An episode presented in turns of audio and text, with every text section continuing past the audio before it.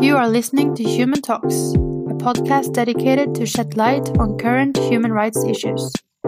The Human Talks podcast was recorded during the Human International Documentary Film Festival.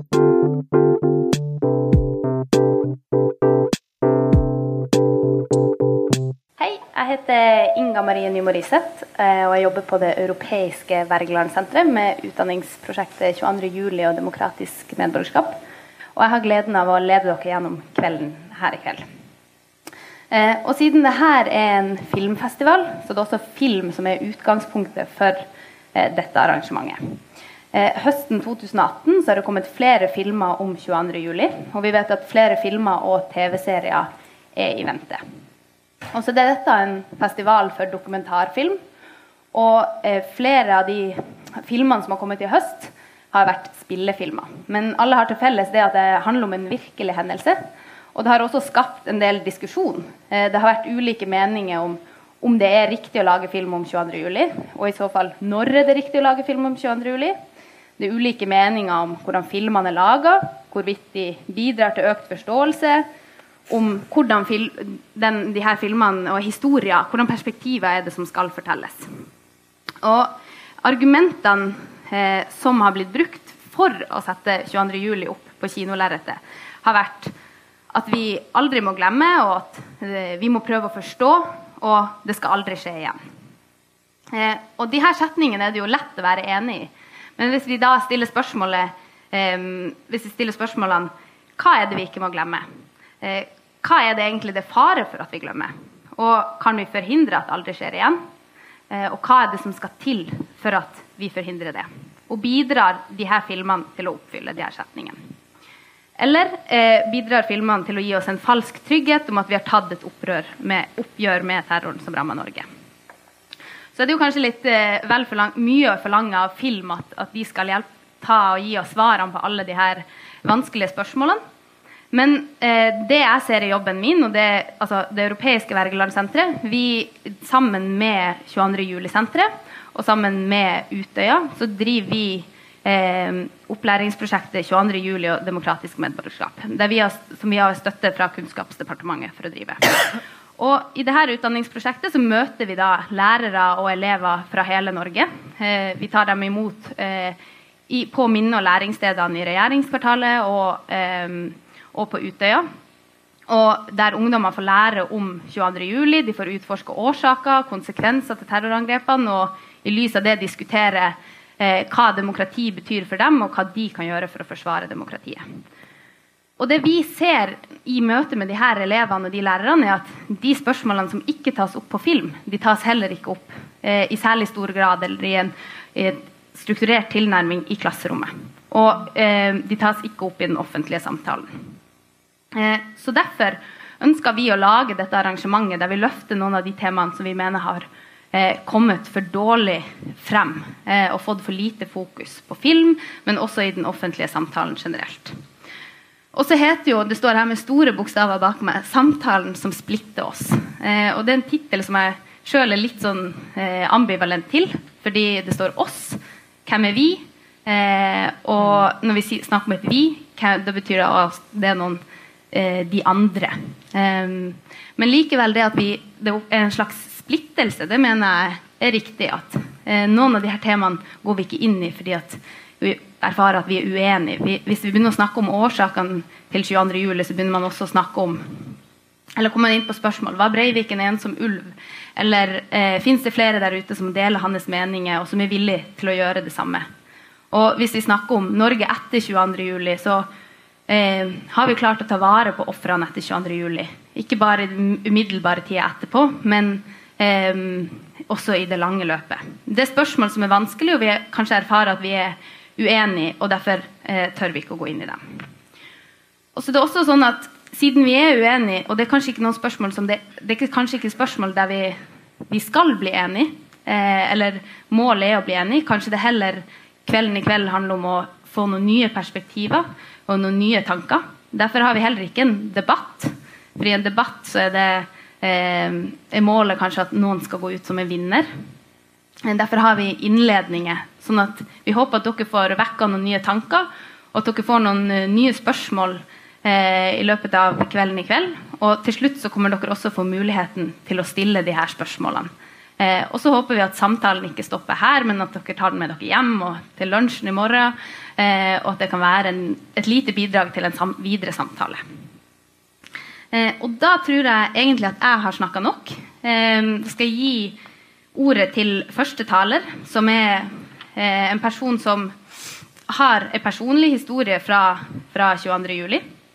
Det er eh, vara, Oslos varaordfører Kamzy Gunaratnam, som også har vært aktiv, altså vært aktiv lenge i AUF og i Arbeiderpartiet. Og som ung, suksessfull kvinnelig politiker eh, med minoritetsbakgrunn, så har hun også fått erfare eh, hvor hardt et debattklima kan være. Eh, og har sine meninger om offent det offentlige ordskiftet etter 22.07. Og har påpekt det at det virker som vi har glemt det vi sa om aldri igjen. Så vær så god, Kamzy. Hei. Mitt navn er Kamzy. Jeg er 30 år. Jeg var ordfører i verdens beste by. Jeg setter pris på at temaet settes på dagsordenen og at vi er så eksplisitt som vi er her i kveld. Det er jeg utrolig takknemlig for. For hvert år som går, hver eneste 22. juli, så kjenner jeg litt på at jeg er mer og mer sint. Og hvis jeg blar tilbake til, til liksom vet, Dere vet på årsdagen så skal mediene ha sine saker. for hvert oppslag så er liksom, du merker jeg liksom blir enda krassere og krassere eh, i budskapet mitt. Jeg er, eh, jeg er kjempesint, merker jeg. 22.07.2011 var jeg medlem av sentralstyret i AUF. Eh, det betyr at jeg hadde medansvar for gjennomføringen av eh, sommerleiren. Eh, og vi var der når vi fikk første melding om at det var gasslekkasjeeksplosjon i Oslo. Selvfølgelig var det ikke en bombe. Eh, og når du er der når du tror du hører kinaputter. og så mister du mange av dine beste venner. Eh, og du overlever, og du kommer på landsida, du kommer til Oslo. Um, og det er rosetog, og det er kjærlighetsdikt, og det er us love all over the place. Um, og det er jo nesten sånn at man forventer at det skal vare. Men det gjorde ikke det. Og for å være helt ærlig, når jeg tenker tilbake på rosetogene for hver eneste rose som ble løftet, skulle jeg ønske det var et tiltak som ble fremmet. Mot høyreekstremisme. Mot forebygging av høyreekstremisme.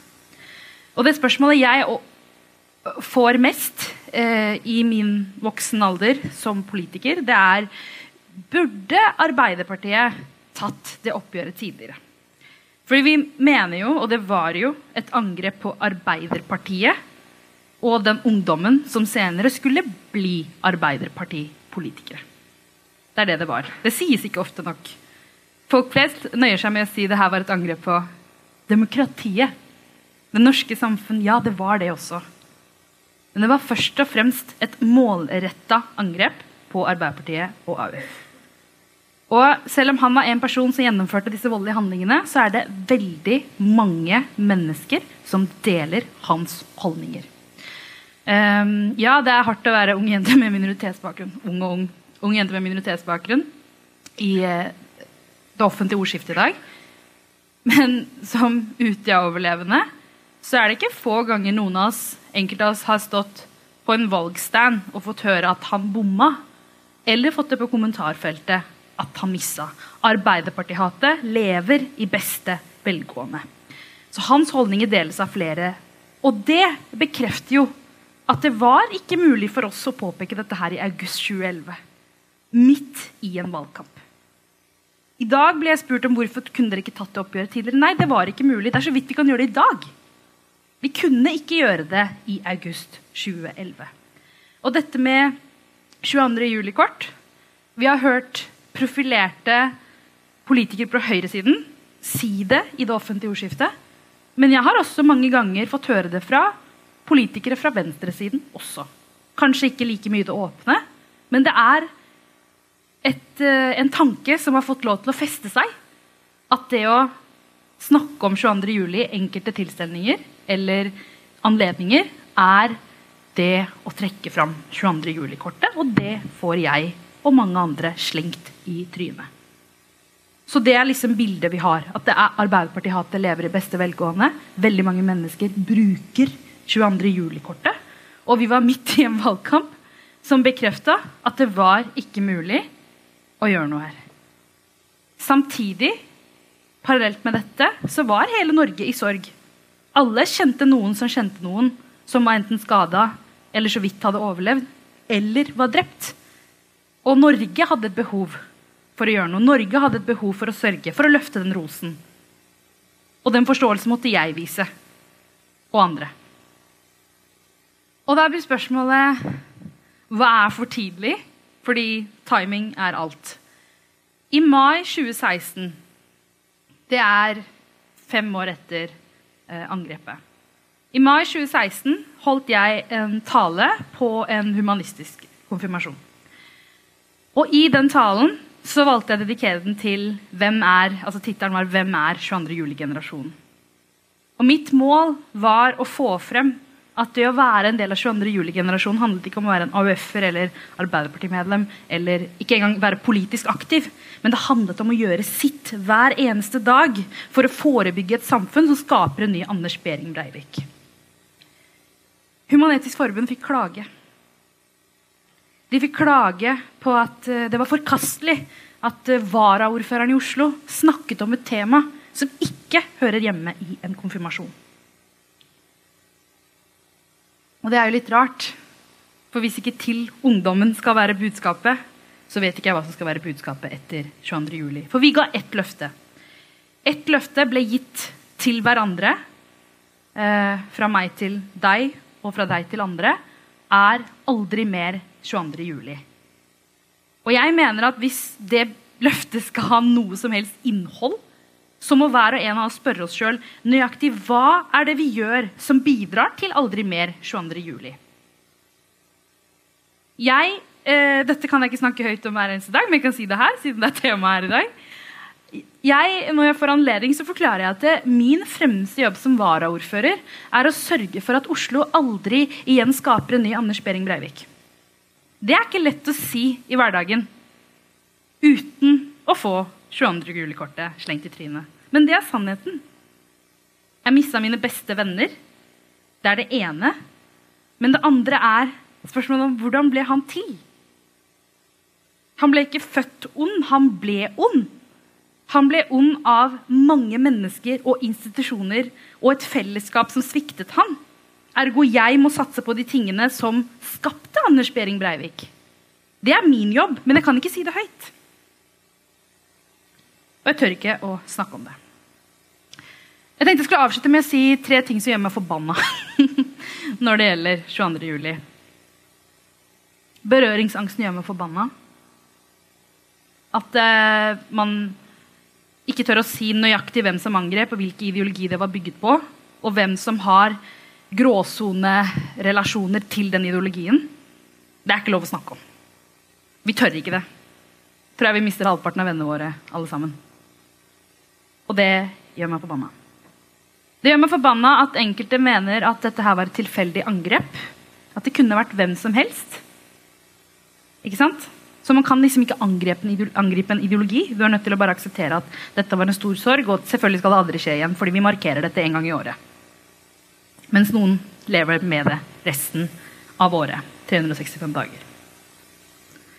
Det siste som irriterer meg, er eh, påstanden om at ting er for tidlig.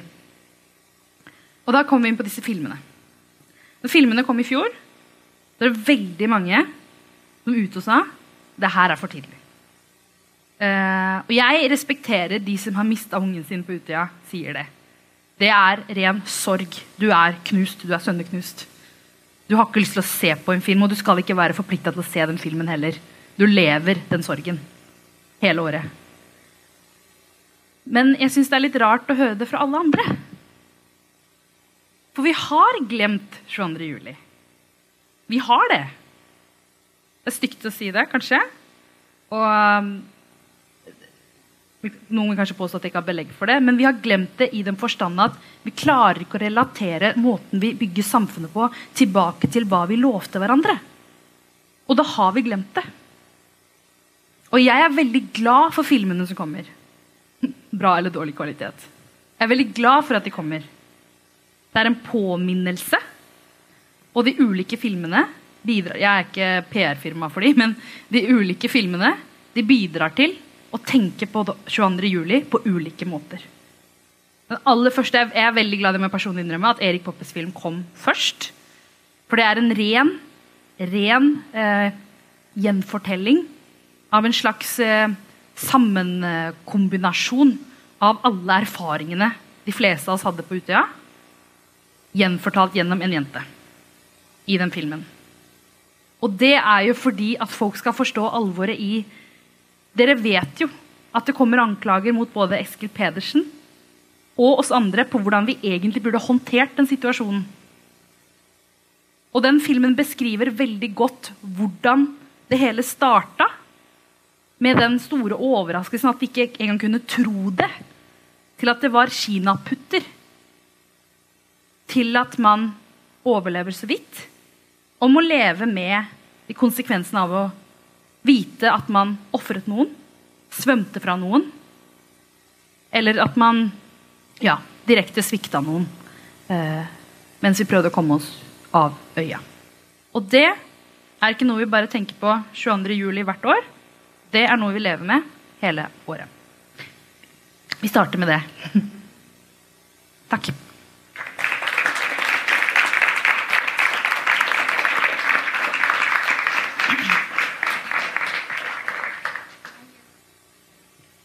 tror det var jeg som bråka i sted, skjønner du, så jeg skrudde den av. Eh, mange takk, kan man si. Neste taler ut er Trond Bakkevik, som er prost i Vestre Aker kirke, og som også er tilknytta Senter for fredsforskning i Oslo, PRIO, som seniorforsker. Eh, og som representant for Den norske kirka så sto jo han Trond midt oppi altså, bokstavelig talt havet av roser, men også havet av følelser, i dagene etter 22. juli. Eh, og han har også eh, vært en av de som har leda i bl.a. 2014 minnegudstjeneste i Domkirka eh, etter, om 22. Eh, og han har bidratt til eh, boka 'Norge etter 22. juli' som Prio-uka i fjor. Eh, og han er også en av de som har påpekt det at den store samtalen om 22. juli har uteblitt, og at det kanskje er fordi at folk syns det er for vanskelig å snakke om hvordan 22. juli kunne skje i Norge. Så han skal dele sine perspektiver om det eh, her til oss i dag. Og også si noen eh, tanker om den spenninga mellom det at det var tilliten i det norske samfunnet som ble misbrukt 22.07. Og hvordan kan vi da forsvare oss mot eh, nye terrorangrep samtidig som vi bevarer tilliten i samfunnet vårt.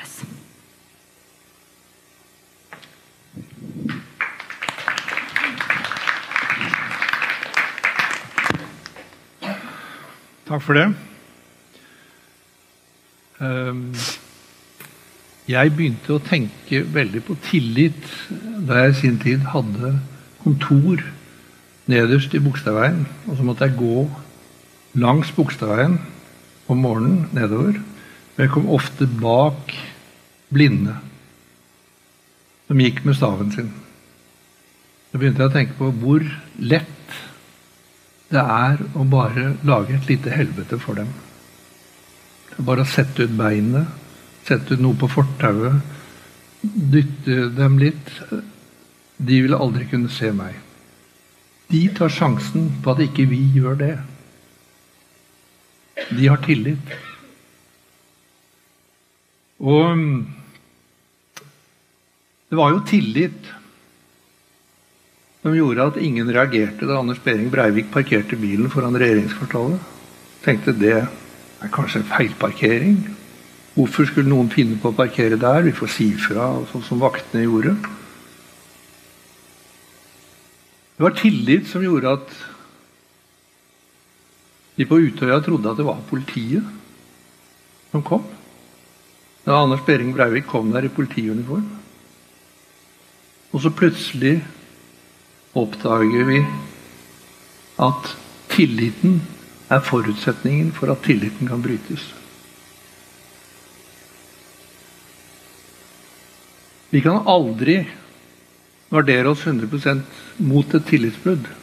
For da har vi samtidig ødelagt tilliten som vi har i samfunnet. Og Det er de dilemmaene vi er oppe i når det gjelder en situasjon som den som var 22.07.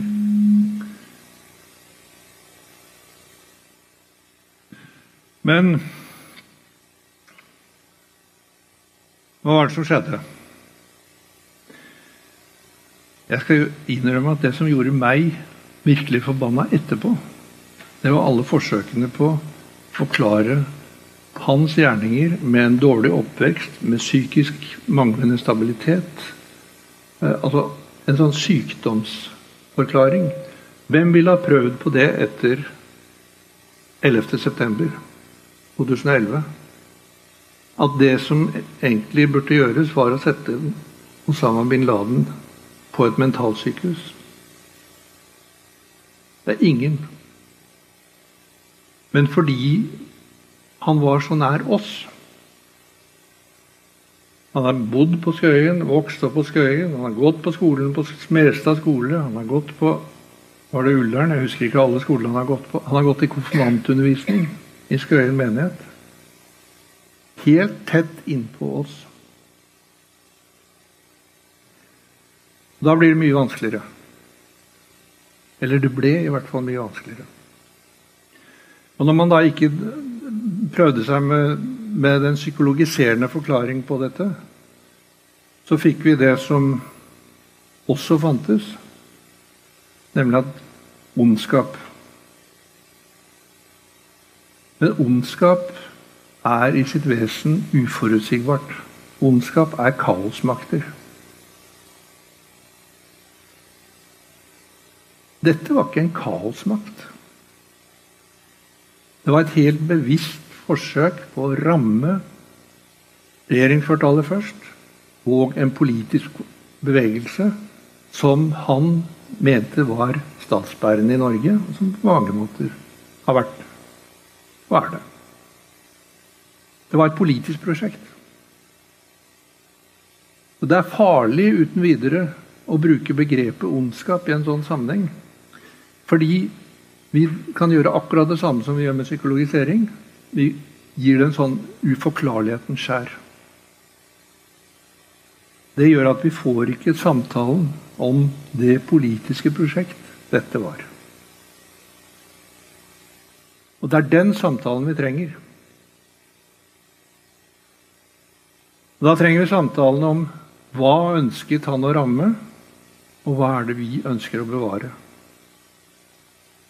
Hvis det fundamentalt sett er tilliten i samfunnet vi ønsker å bevare, så handler det om oppdragelse, det handler om familieforhold, det handler om barnehager, det handler om skoler, det handler om hvordan vi bygger de arenaene i samfunnet som bidrar til å fremme tillit.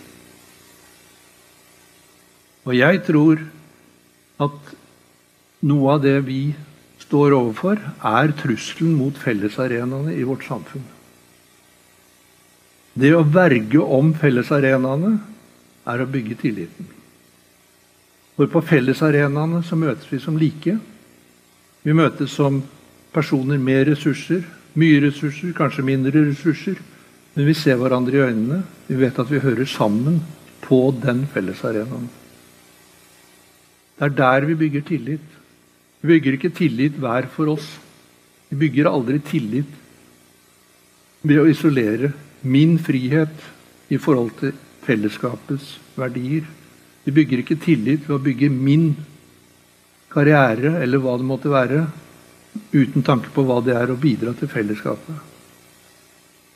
Og Det er det å bygge disse tillitsarenaene som er det prosjektet som vi må ivareta. Og det henger fundamentalt sammen med demokrati. Ja, men vi sier veldig lett demokrati. Det som skjer i Europa i dag, er jo at rettssikkerhetsstaten og rettsstaten trues. Og uten, en, uten at tilliten samfunnsmessig er basert på at vi kan ha trygghet for at min rettssikkerhet er garantert og sikret, og din rettssikkerhet er garantert og sikret, da er det heller ikke lett å bygge den personlige tilliten. Da er mistenksomheten det neste skritt, og det som bygges. Og Det å være helt tydelig på å bygge disse fellesarenaene som konstitusjonelt er basert på rettssikkerheten, det er helt fundamentalt. Og dette trues av ulikheter i samfunnet. Ulikheter i ressursfordeling, ulikheter i tilgang på ressurser, på utdannelse, på alt det vi mener at vi sammen trenger. Det er mer komplisert, men det er også sånn det henger sammen. Det er dette samfunnet vi skal bygge, som ivaretar fellesarenaene, rettssikkerheten og respekten for hverandre. Og midt oppi det så står, handler det fundamentalt sett om et menneskesyn som sier at jeg er som voksent menneske ansvarlig for mine handlinger. Derfor var rettssaken mot Anders Behring Breivik helt avgjørende viktig. Fordi den stilte han til ansvar for sine gjerninger. Sånn sett så kjempet han for menneskeverdet. Han sa dette er ikke, jeg skal ikke psykologiseres bort, eller jeg skal ikke mentalt forklares bort, eller hva det er for noe. Jeg ønsker å stå til rette for mine handlinger. Ja, det skal han gjøre. Og så må han ta konsekvensene av det han da har gjort, og se det i øynene. Vi kunne gjort det mye lettere for oss selv ved å sykdomsforklare han. Da trengte vi ikke å spørre oss selv hva er det for noe med vårt samfunn som gjør at en sånn person kan vokse frem. Det gjorde vi heldigvis ikke. Og sånn at, sånn at tilliten i et samfunn henger nøye sammen med hva slags menneskesyn vi har, og synet på at ethvert menneske er ansvarlig for sine handlinger. Sånn bygger vi tillit. Ved å tro at du er ansvarlig for dine handlinger og jeg for mine. Og sammen er vi ansvarlige for det samfunnet vi har. Da bygger vi tillit, og da kan vi også ta de oppgjørene som er nødvendige underveis. Det var det jeg hadde å si.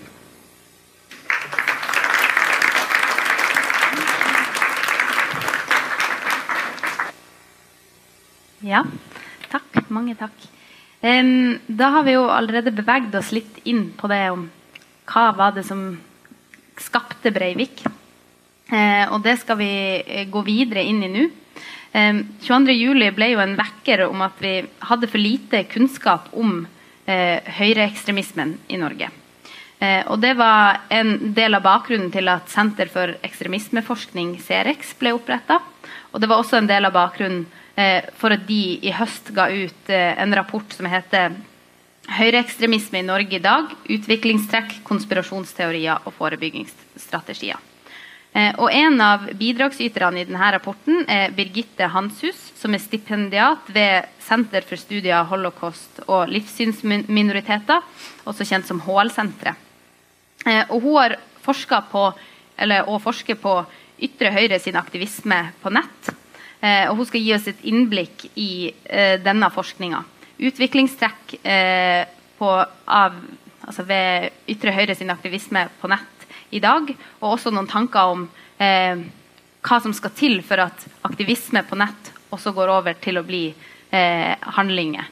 Eh, for vi vet jo at Breivik var inspirert av islamkritiske og ekstreme tenkere på nett. Eh, men hva er sammenhengen mellom det som eksisterer på internett, og eh, det som går til å bli hatkriminalitet og terror? Vær så god, Birgitte.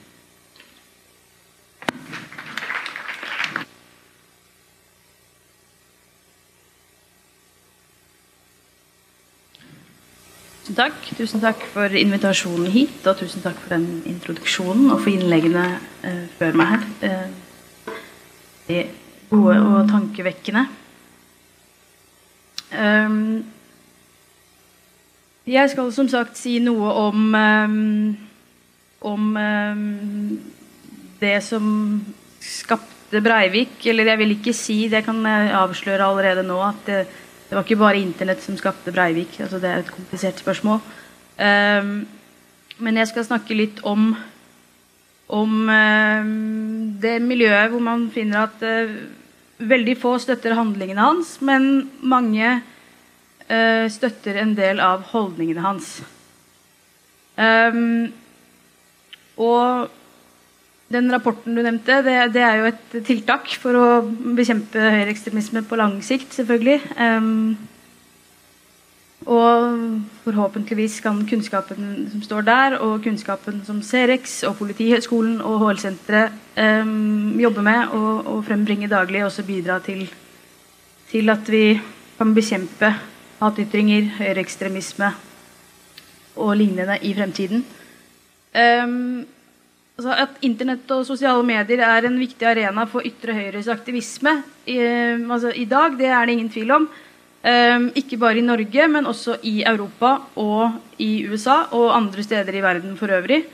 Um, det er verdt å nevne at det ikke er et helt nytt fenomen. Um, allerede da altså Internett ble kommersialisert på midten av 1990-tallet, uh, så dukket det opp nettsider, debattfora, uh, hvor uh, typisk nynazister, andre type høyreekstremister eh, tok i bruk disse nye medieplattformene for å kommunisere med hverandre eh, innad og på tvers av land. Eh, Hoppe til neste slide. Så skal jeg fortelle litt om hva jeg mener med hva, altså, hva er ytre høyre.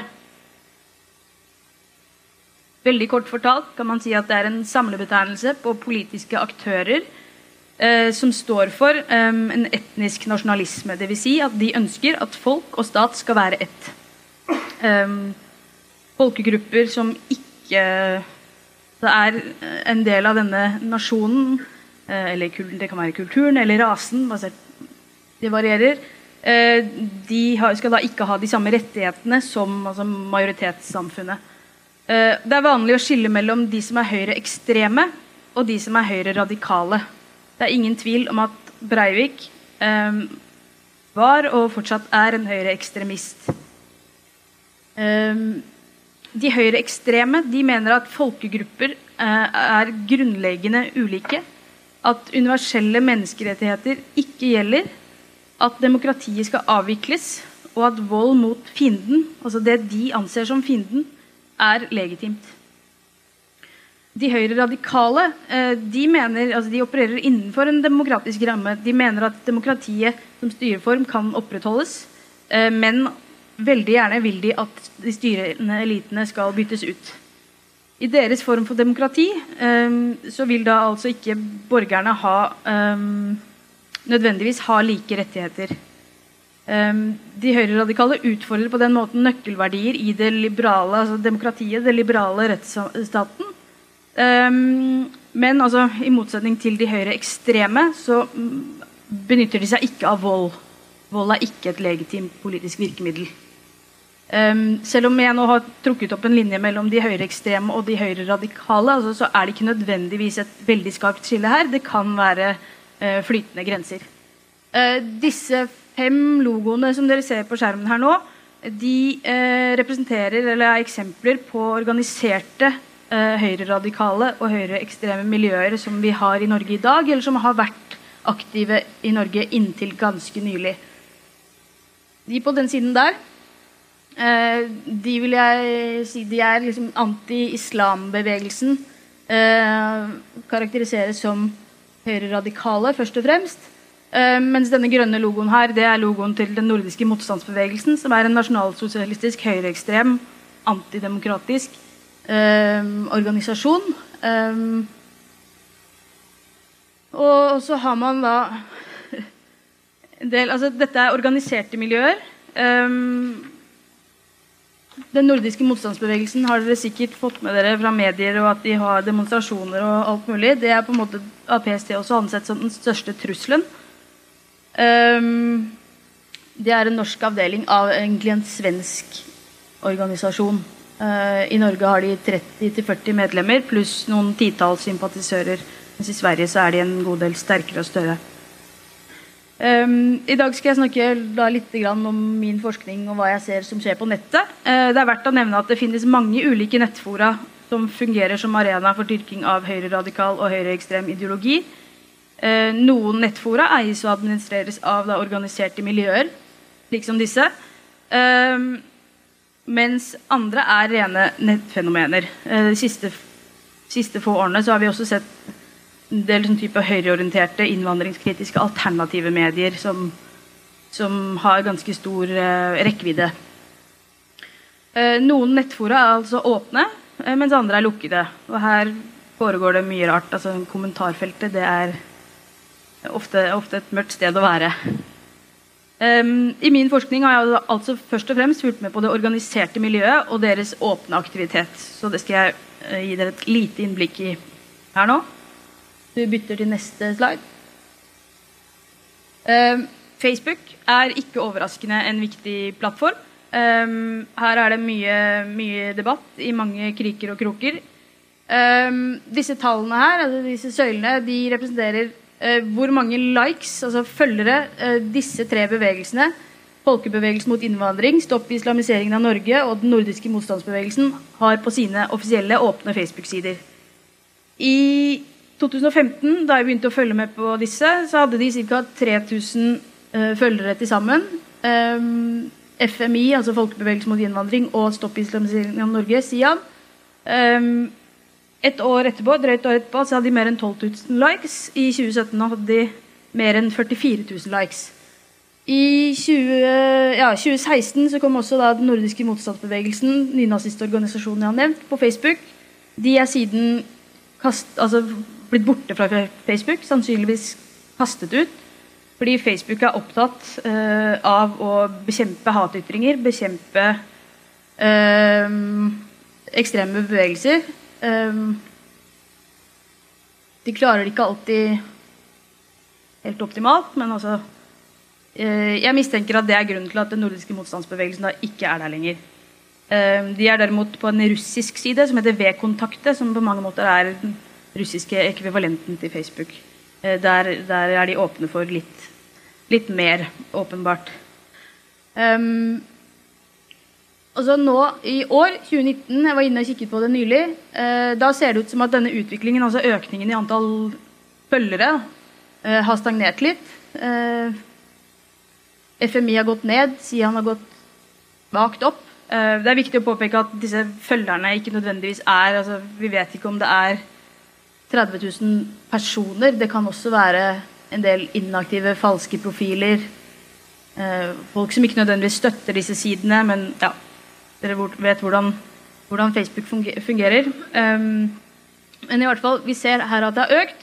Og på FMI og SIN sine sider så har også hvor mye de publiserer, altså produserer av tekst, eh, lenker til nyhetsartikler osv., det har økt. Og hvor mye følgerne deres engasjerer seg i form av liker, klikk, kommentarer og deler dette materialet videre, det har også økt.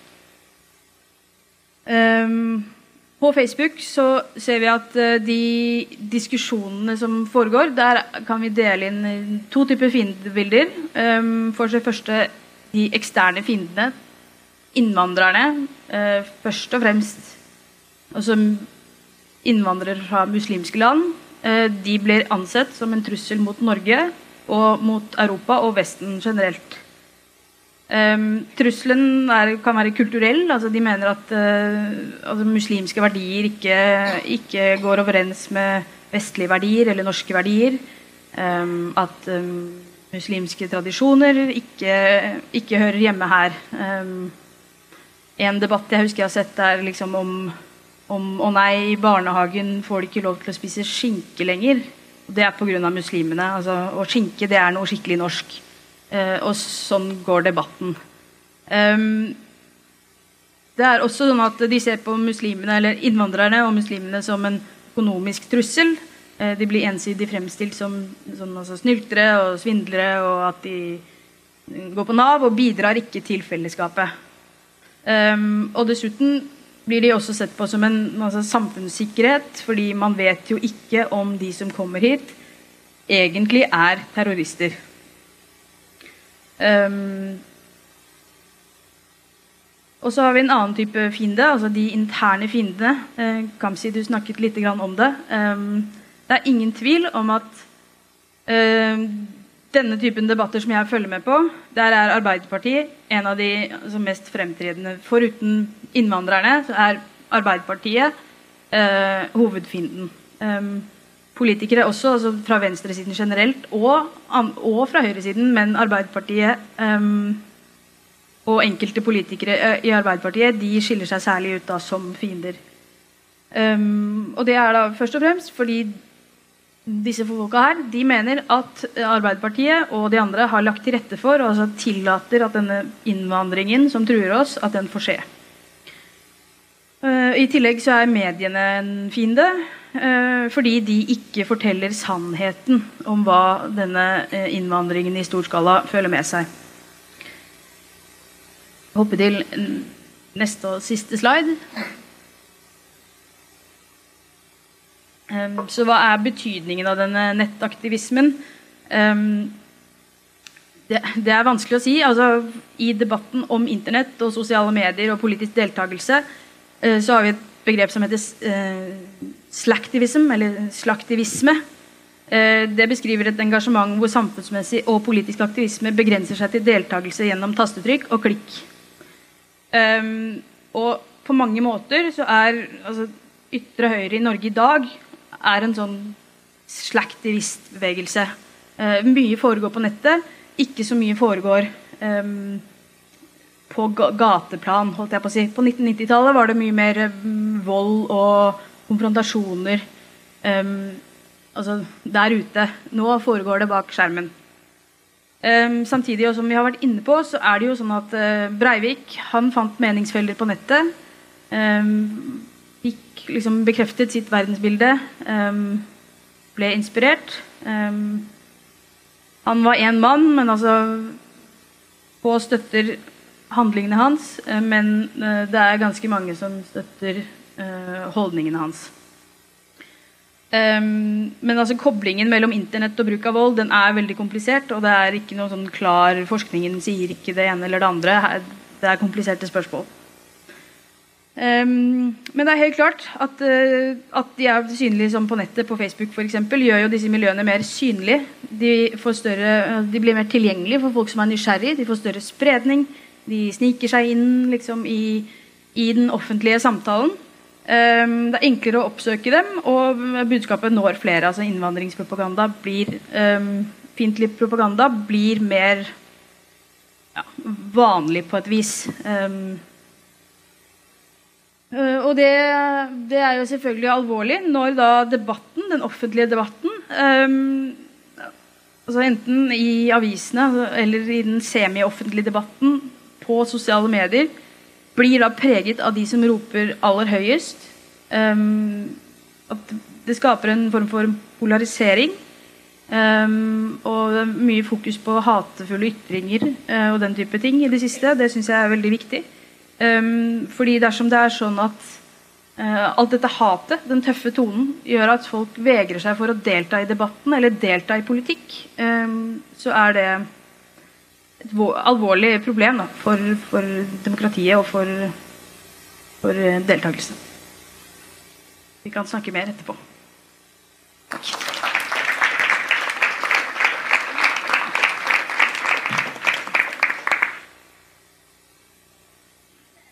Ut er eh, Grete Dyp.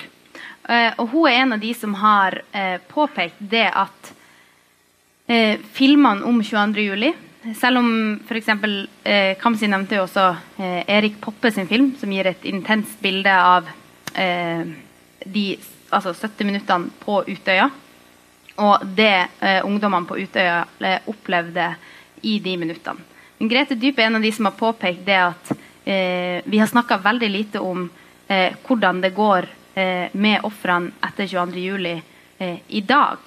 Eh, og at mange opplever det at samfunnet sin støtte har forsvunnet. Det de så i eh, den korte tida etterpå. hun Grete er professor to ved Universitetet i Oslo og prosjektleder for Utøya-studien ved Nasjonalt kunnskapssenter om vold og traumatisk stress. Eh, så da ønsker jeg bare deg velkommen opp hit.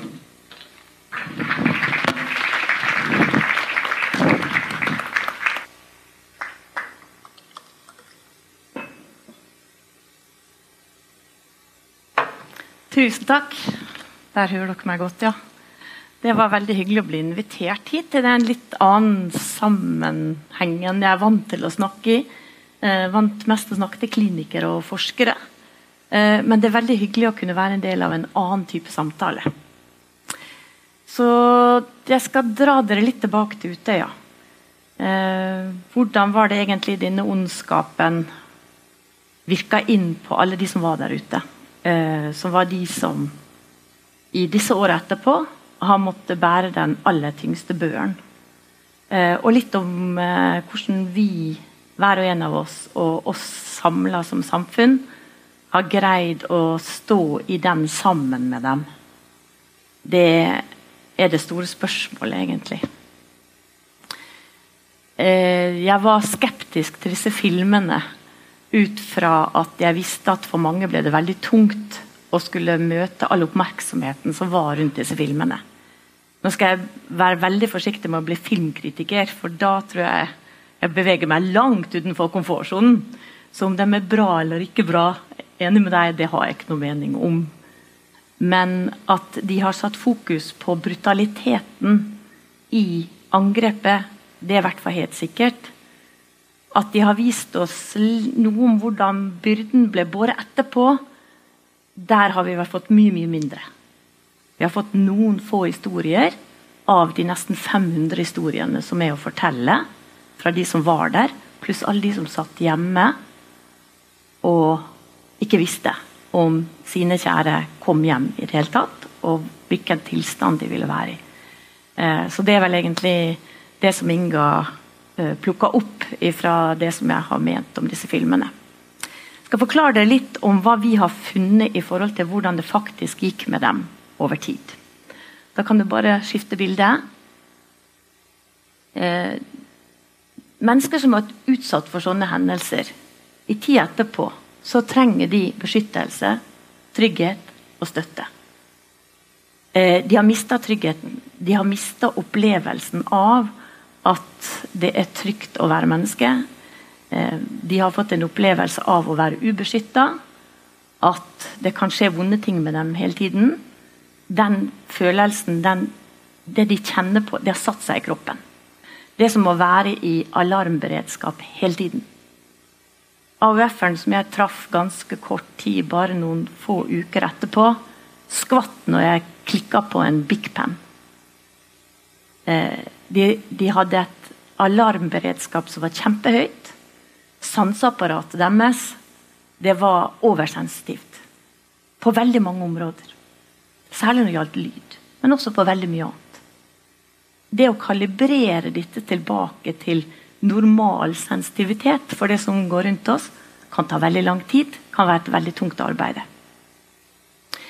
Vi hadde veldig fokus på å hjelpe den første tiden. Og hadde vært, hver rose vært en forståelse over tid, så hadde det kanskje hjulpet veldig.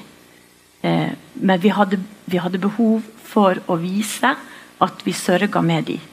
At vi følte med dem. At vi sto rundt dem. Det tror jeg har betydd veldig mye. Men samfunnet, vi som samfunn, vi har vist at vi har et behov for fort å gå videre. Og det er ikke så rart, for vi har et behov for å oppleve at vi bor i et trygt land. At det er trygt rundt oss.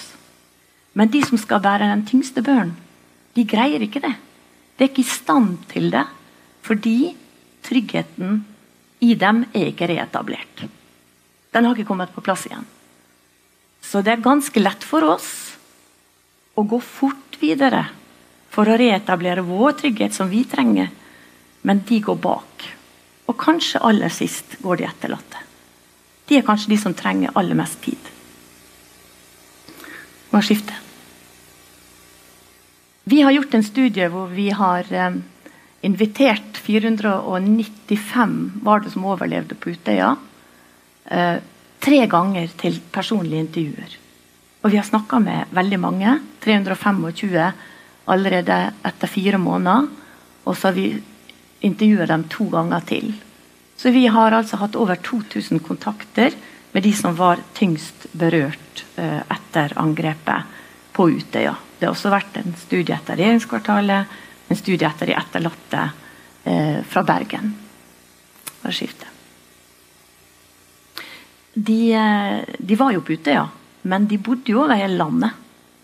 Så når de skulle hjem, så skulle de hjem til hele Norge. Så det å hjelpe dem, det handler også om at hvert enkelt lokalsamfunn greide å ta imot dem. Hjelpe dem på en god måte over tid. Noen kommuner var fantastiske. Var på plass med en gang. Hjalp dem over tid. Satte i gang tiltak. Prøvde å følge med på hvordan det gikk, for å se hva de trengte. Andre kommuner asfalterte veier for pengene de fikk fra staten. Det er fryktelig sårt når de som er der for å hjelpe og støtte, ikke forsøker. Eller ikke søker de riktige rådene for å forsøke. Hvis de var i villrede, eh, da burde de spurt om hjelp. Eh, så de som ser at ok, en kommune har hjulpet veldig godt til kommunen ved siden av, har ikke brydd seg. Kanskje de har brydd seg, men de har ikke visst hva de skulle gjøre. Bare til å skifte. Dette er, det, dette er bare for å si til dere De ungdommene som var på Utøya, de fikk veldig mye posttraumatiske stressreaksjoner. Stressreaksjoner det har dere alle hatt. Når man er skikkelig stressa, tenk på det verste du skal yte, prestere. Så kommer du et veldig høyt stressmodus. Vet ikke om det er sånn valgkamp eller hva er det politikere blir stressa av, men vi blir alle stressa av og til. ikke sant? Eh, men ditt posttraumatisk stress, det er å oppleve livsfaren på nytt. Det å oppleve at du fortsatt er veldig utrygg. Du sover dårlig, du skvetter lett, du konsentrerer deg ikke, du er irritabel. Du unngår alt som kan minne deg om hendelsen. Eh, du har det veldig vanskelig hver eneste dag. Den, de grønne søylene dere, det er sånn som de som var på Utøya, burde ha da stressnivå. Veldig lavt, ser dere. Veldig lavt. De røde, det er de som var på Utøya, og som var med i vår studie. Så hvis vi skal hjelpe dem, så må vi altså skyve dette stressnivået til helt bort til venstre, så det blir som det var før de dro på Utøya. De opplevde, de opplevde dette over lang tid, og selv etter tre år, når vi snakka med dem siste gang, så var dette veldig, veldig høyt. Og Når man skal leve med det over tid, så får det konsekvenser for hva du greier. Det får konsekvenser om du greier å være sammen med andre mennesker, om du greier å være på jobben, om du greier å yte, om du greier å stå opp, om du greier å kle på deg, om du greier å spise. Eh, det får konsekvenser for utdanningen din. Du greier ikke å møte opp på skolen. Du greier ikke å fullføre en utdanning. Det har svære konsekvenser for ungdom som er i den fasen i livet hvor de skal legge grunnlaget for resten av sitt liv. Neste. Det er også slik at veldig mange har kroppslige plager. Når man er stressa, ikke greier å slappe av, ikke greier å sove, så får man f.eks. veldig mye hodepine. Eh, Fire til fem ganger økte sjanse for å ha alvorlig hodepine. Kom, altså, som er sammenligna med andre norske ungdommer. Og så så vi på hva slags hjelp fikk de. Og på fem måneder så ser dere her er 100 ser dere at kriseteamene i kommunene de var veldig på plass. Veldig mange fikk en kontaktperson. Og så brukte de en del andre helsetjenester. Men allerede på fire måneder så var det en god del som sa 'Jeg får ikke den hjelpen jeg trenger'. Dette på fire måneder. Over tid så ble den røde streken større og større, og flere og flere av tiltakene ble lagt ned. Veldig variabelt i de forskjellige kommunene, og det er over 120 kommuner involvert i disse hjelpetiltakene. Det åpner opp for veldig stor variasjon. Neste. De Ungdommene på Utøya de var stort sett har sagt til oss at de fikk veldig mye sosial støtte. De opplevde at de rundt dem var flinke til å vise at vi var der for dem. Særlig til å begynne med. Men så kom neste.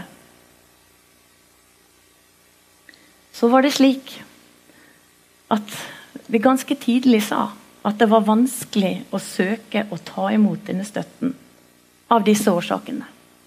En tenker at andre er lei av å høre om det. En tenker andre har nok med seg selv. En er redd for å tenke at man er for opptatt av det, opphengt i det. Man vil ikke være en byrde. En tenker at andre ikke vil forstå, fordi den var ikke der.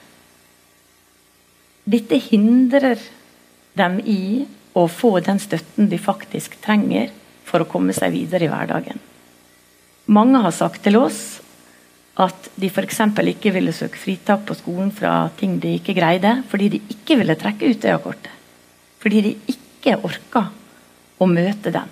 Fordi de ikke orka at de fikk høre at 'nå må du komme deg videre', 'nå må du ta deg sammen'. Så det at man tror at man ikke kan få hjelp, man ikke stoler på at man kan få hjelp fra andre, eh, det gjør jo at man ikke får den sosiale støtten man faktisk trenger for å greie å gå videre. Neste. Så jeg vil si at eh, det ble veldig mange tunge bører å bære for veldig mange. Forståelsen i systemet svikta nok mer over tid enn det vi hadde regna med. Eh, veldig mange av tiltakene ble ikke nok. Men det aller tyngste er kanskje frykten for å miste mer enn de allerede hadde mista. Mange hadde mista venner. Alle hadde mista opplevelsen av trygghet. Det de er redd for å miste, det er venner. De er redd for å støte fra seg venner, sosiale nettverk. De er redd for å ikke yte på jobben og på skolen, for dermed å bli utstøtt og sett på som annerledes eller svake. Så hvordan står det nå egentlig til da, med forståelsen som vi viser for hvordan de egentlig har det nå, og har hatt det over tid? Hvordan de jobber med å komme tilbake til en krevende hverdag, skape seg et nytt liv. Vi vet at det er av stor verdi å vise dem denne støtten fra oss. Oppleve samfunnet vårt som trygt. Og få den tilhørigheten som vi alle trenger for å føle at vi bidrar og er der vi ønsker å være. Men å bygge en sånn forståelse det krever mye mer enn å bli minnet bare om brutaliteten i angrepet. Det krever også at vi setter oss inn i hvordan det er å leve livet etterpå. Takk for meg.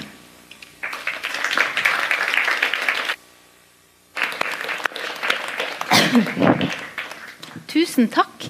Da skal egentlig alle dere fire få lov å komme og ta plass her oppe. Og så det er sånn at Mens dere har snakka, så har jeg fått beskjed om at vi må være ute her fra ti over halv. Så vi har ti minutter på oss. Um, det er jo ikke all verdens med tid. Så da tenkte jeg at eh, jeg skulle åpne for to spørsmål fra salen. Eh, og så kan vi ta at dere etter de to spørsmålene får lov å si en kort kommentar. Og så eh, kan vi sikkert også fortsette samtalen utafor etterpå. Men det kommer altså en ny gruppe inn her kvart på, så vi er på et tett tidsskjema. Er det noen som har et spørsmål?